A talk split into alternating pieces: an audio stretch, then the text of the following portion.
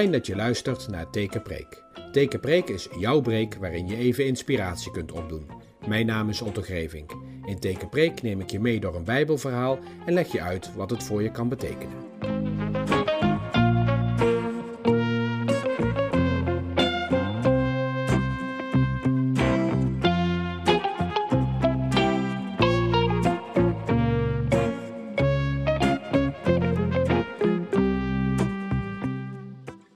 Maar goed voor zitten, ik heb twee Bijbelverhalen voor je. Het eerste Bijbelverhaal is Matthäus 1, de versen 1 tot en met 17. Het geslachtsregister van Jezus wordt het wel genoemd. Ik heb een luistervraag voor je. Hoeveel vrouwennamen hoor je?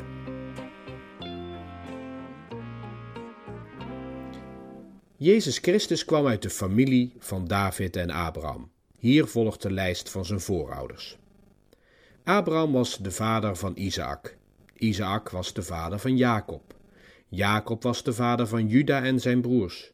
Juda was de vader van Peres en Zerach. Hun moeder was Tamar. Peres was de vader van Gesron. Gesron was de vader van Aram. Aram was de vader van Aminadab. Aminadab was de vader van Nachson. Nachson was de vader van Salmon.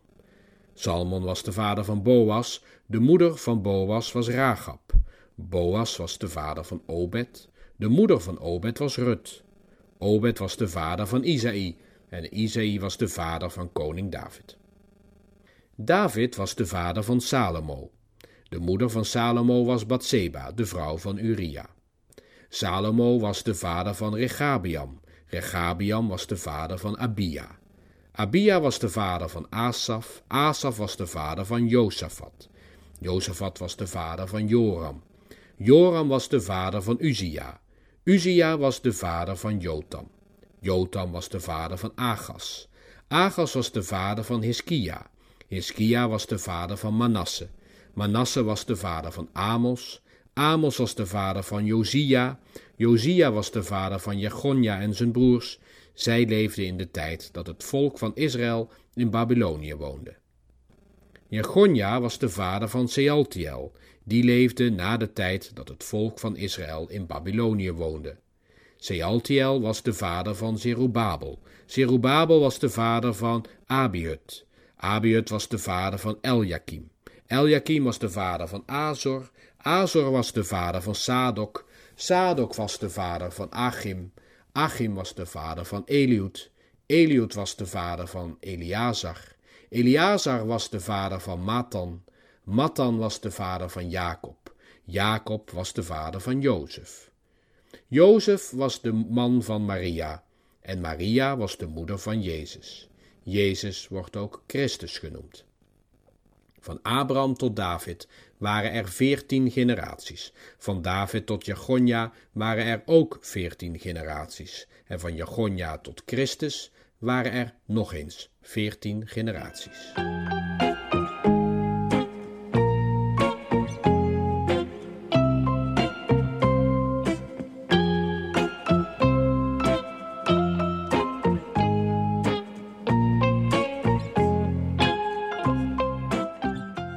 Het antwoord op de luistervraag hoeveel vrouwen er genoemd worden in het geslachtsregister van Jezus is vijf.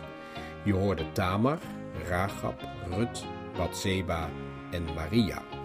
Over de eerste, Tamar, staat een verhaal in Genesis 38. Juda had voor Er, zijn oudste zoon, een vrouw uitgekozen. Zij heette Tamar. Maar Er deed niet wat de Heer wilde, daarom liet de Heer hem sterven. Toen zei Juda tegen Onan, zijn tweede zoon, nu moet jij met de vrouw van je broer trouwen en zorgen dat ze kinderen krijgt.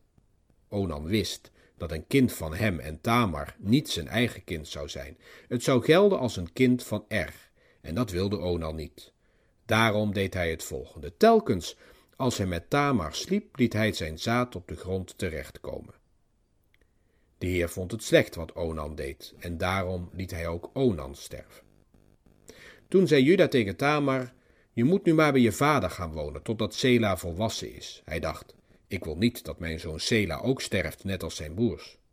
Toen ging Tamar weer bij haar vader wonen. Na een tijdje stierf de vrouw van Juda. Toen de rouwtijd voorbij was, ging Juda met zijn vriend Gira naar de stad Timna. Daar waren de knechten van Juda de schapen aan het scheren. Tamar wist dat Sela intussen volwassen was, maar Juda had hem niet met haar laten trouwen. Toen ze hoorde dat haar schoonvader naar Timna ging, bedacht ze een plan. Normaal droeg ze kleren die pasten bij een weduwe, maar nu trok ze andere kleren aan. Ook deed ze een sluier voor haar gezicht. Zo zou niemand haar herkennen. Daarna ging ze langs de weg naar Timna zitten, bij de zijweg naar Enaim. Juda zag de vrouw zitten. Hij kon haar gezicht niet zien en dacht dat ze een hoer was. Hij wist niet dat het zijn schoondochter was. Hij ging naar haar toe en zei: Ik wil seks met je. Ze zei: Wat betaalt u daarvoor? En Juda zei: Ik zal je een bokje sturen. Maar toen zei ze: Dan wil ik wel een bewijs dat u dat ook echt zult sturen. Goed, zei Juda, wat wil je hebben? Ze zei: Die ketting met uw naam en uw stok. Juda gaf haar alles. Hij had seks met haar en ze werd zwanger van hem. Daarna ging Tamar weer naar huis. Ze deed de sluier van haar gezicht en trok weer de kleren aan die ze normaal droeg. Juda vroeg aan zijn vriend Gera om een bokje naar de vrouw te brengen, maar Gera kon de vrouw niet vinden. Hij vroeg aan de mensen daar in de buurt: Waar is de hoer die laatst op bij de weg naar Eneim zat? En de mensen zeiden: Er is helemaal geen hoer geweest hier. Gira ging terug naar Juda. Hij zei: Ik heb haar niet kunnen vinden. De mensen daar zeggen dat er helemaal geen hoer geweest is. Juda zei: Laat die vrouw mijn spullen dan maar houden. Ik heb geprobeerd het bokje te sturen, maar je hebt haar niet kunnen vinden. Laat verder maar, anders maken we ons nog belachelijk. Ongeveer drie maanden later vertelde iemand aan Juda: Je schoondochter Tamar heeft zich als een hoer gedragen en nu is ze zwanger. Juda zei: Breng haar de stad uit, ze moet verbrand worden. Maar toen Judas knechten Tamar kwamen halen, stuurde zij iemand naar Juda toe. Die man moest zeggen: Tamar is zwanger van de man van wie deze dingen zijn. Kijk eens goed, van wie zijn deze ketting met die naam en van wie is deze stok? Juda herkende zijn spullen. Hij zei: Tamar is niet schuldig, maar ik wel, want ik heb mijn zoon Sela niet aan haar gegeven. Juda sliep nooit meer met Tamar.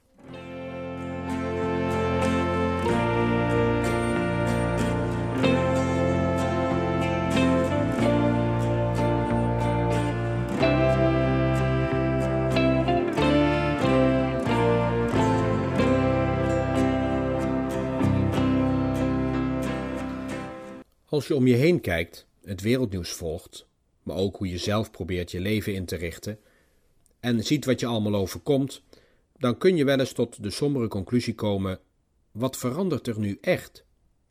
We proberen van alles, veel gaat er goed, maar veel dingen ook niet. Dan komt het erop aan om hoop te blijven houden. Hoop dat het anders kan. Hoop dat het anders wordt. Een pessimist zal zeggen: hoop is uitgestelde teleurstelling.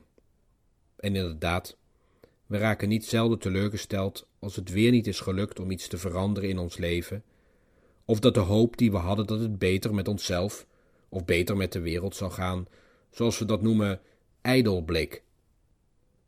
En toch proberen we hoop te houden. Hoop dat het niet blijft bij wat het leven ons brengt en hoe het leven loopt en afloopt, Hoop dat het uiteindelijk niet van ons komt en niet afhangt van wat wij winnen en verliezen. Hoop dat God ons leven ten goede keert. Ook al lijkt wat er in ons leven gebeurt dat zo vaak te weerspreken.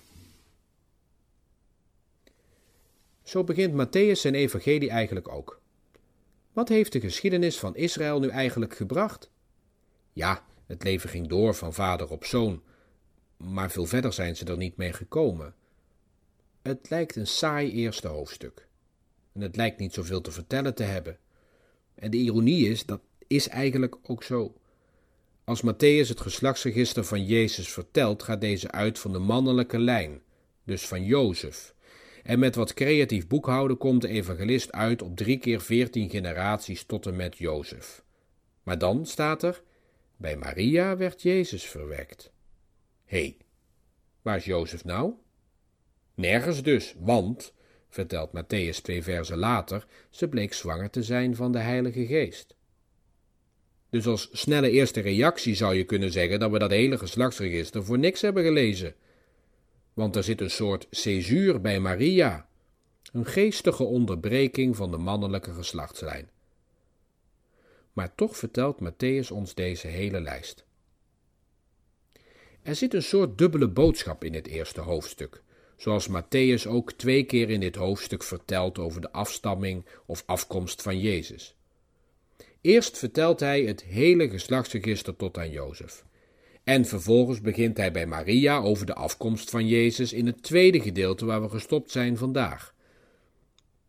Dan krijg je het hele verhaal van Maria, die zwanger is van de Heilige Geest, en Jozef, die zijn knopen telt en zich afvraagt of hij zich hiermee wel in wil laten. Die twee lijnen kunnen niet zonder elkaar. De lijn van de mens, door de eeuwen en de generaties heen, en de lijn van God via de Heilige Geest. Maar wat doet die lijn van de mens hier dan nog in? Het lijkt zo nutteloos. En als je al die mannen bekijkt en hun levensgeschiedenissen leest, ook zo hopeloos. Wat komt er uit ons leven op waaruit hoop kan ontstaan? Het leven lijkt zo vaak dood te lopen en hoe kan je dan verder? Juist daarop geeft die lijn door de generaties heen juist een eerste aanzet tot een antwoord. Want deze geslachtslijn, hoe mooi geconstrueerd in drie keer veertien generaties, is juist een lijn van breuken en césuren en van doorgang waar niemand het had verwacht of waar mensen het eigenlijk onmogelijk hadden gemaakt om nog verder te kunnen. Er was zelfs al sprake van een valse start. Abraham, weet je nog, waar deze geslachtslijn mee begint, die kon geen kinderen krijgen. Dat wil zeggen, zijn vrouw werd voor onvruchtbaar gehouden. Het was zelfs zo erg dat zijn vrouw Sarah een zijweg voorstelde via Abrahams bijvrouw Hagar. Maar tegen alle verwachtingen in werd Sarah uiteindelijk zelf ook zwanger, al geloofde ze het zelf nog niet en lachte ze God uit. God pakte haar terug en gaf hun zoon de naam Hij die lacht, Isaac. God heeft humor en leert zo ons mensen een lesje. Daarna is het eigenlijk niet veel anders gegaan. Mensen zochten meer of minder actief hun eigen weg en dat leidde nogal eens af van de hoofdweg en dan was enige bijsturing nodig. En dan waren het juist vrouwen die goed kaart konden lezen en de mannen weer terugbrachten op het rechte pad. Vrouwen die allemaal buitenstaanders zijn. Buitenlanders, dat wil zeggen niet Israël eigen. Juist omdat Israël zijn hel ergens anders zocht, zijn eigen weg ging, maar op de zijweg iemand ontmoette die hen terugzond naar de hoofdweg. Zo'n rol heeft Tamar ook. Zij is de eerste die wordt genoemd. Terugbladerend in de Bijbel komen we bij die roman uit over Jozef en zijn broers. Dat verhaal van die zonen van Jacob, die ook wel Israël genoemd wordt, het volk Israël in het klein, twaalf zonen en een dochter. En die dochter heeft geen zussen om mee ruzie te maken, haar broers liggen eens te meer met elkaar overhoop. Goed begin voor Israël. Kleine Jozef kan zijn dromen niet op waarde schatten, die een visioen zijn voor het volk, en de broers achten zichzelf belangrijker dan elk visioen waarin een ander het voor het zeggen heeft en het eigenlijk God is die uiteindelijk de doorslag geeft. En in dat gekissenbis rondom die put doemt Juda op als degene die dan tenminste een enigszins redelijke uitweg biedt door voor te stellen Jozef te verkopen als slaaf. Ja, menselijk is het niet, maar het jonge volk van twaalf zonen en een dochter blijft ongeschonden. Het leven gaat door en uiteindelijk breekt het visioen door dat God met zijn jonge volk voor ogen had, als Jozef als onderkoning voor de wereld een zegen is. Zo wil God dat zijn volk is, een zegen voor de wereld. Maar in het verhaal waarin wij vandaag belanden is het zover nog niet. Wel is duidelijk dat deze Juda een hoofdrol krijgt naast Jozef. Jozef die gaat de wereld in, zal onderkoning worden en de wereld redden van hongersnood. Juda, hij blijft bij Israël en zal Israël redden. En via zijn lijn komt de redding van binnenuit. Via al die namen uit het verhaal van Matthäus, waarvan koning David en Jezus toch de voornaamsten zijn. Juda dus, hoofdrolspeler binnen Israël en ook maar een mens. Hij daalt af, staat er in het begin. Oei, dat is geen goed teken. Wanneer een mens afdaalt, dan wordt hij erg laag bij de grond. daar waar er minder licht is en een mens zijn eigen doel heel goed denkt te kunnen vinden. En wie ziet nou wat hij allemaal doet? Je hebt het hele verhaal zojuist gehoord. Maar bij Tamar gaat het niet zoals hij had gedacht en zoals hij het wil. Ja, het is goed met dat zwagerhuwelijk. Ze kreeg er al twee voor de prijs van één. Die derde krijgt ze niet als bonus. Het leven heeft hem al twee zoons gekost. Hij legt de schuld bij Tamar, lijkt hij te suggereren. Terwijl wij lezen dat het zijn eigen vlees en bloed is dat afwijkt van de goede weg. Het leven van zijn eerste twee zoons loopt dood. En Tamar stuurt hij naar haar ouderlijk huis. Maar een paar jaar later grijpt ze in, omdat ze ziet dat ook Juda's leven doodloopt als hij weduwnaar is geworden. En zij is degene die door het zwagerhuwelijk alsnog op naam van Judas oudste zoon een nakomeling ter wereld kan brengen, waardoor de lijn van Juda doorloopt, hoezeer ook hij zijwegen bewandelt. Op een van die zijwegen ontmoet Juda Tamar, die zich onherkenbaar heeft vermomd. Zijn seksualiteit is niet meer op voortplanting gericht, maar op zijn eigen genot. Op zich niks mis mee, maar hier nou juist wel omdat Juda zijn positie niet voor zichzelf moet houden. Het leven moet doorgaan, ook na hem. Want uit Israël zal een redder geboren worden. En nee, dat weet hij natuurlijk niet. Maar de belofte aan Abraham was wel dat het volk gezegend zou worden met nakomelingen, zoveel als er sterren zijn, om een zegen voor de wereld te zijn.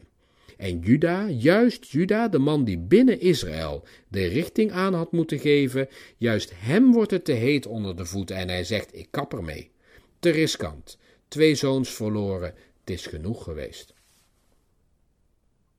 Zo kan het leven door wat je overkomt, dankzij en ondanks jezelf, je soms het gevoel geven: ik doe niet meer mee.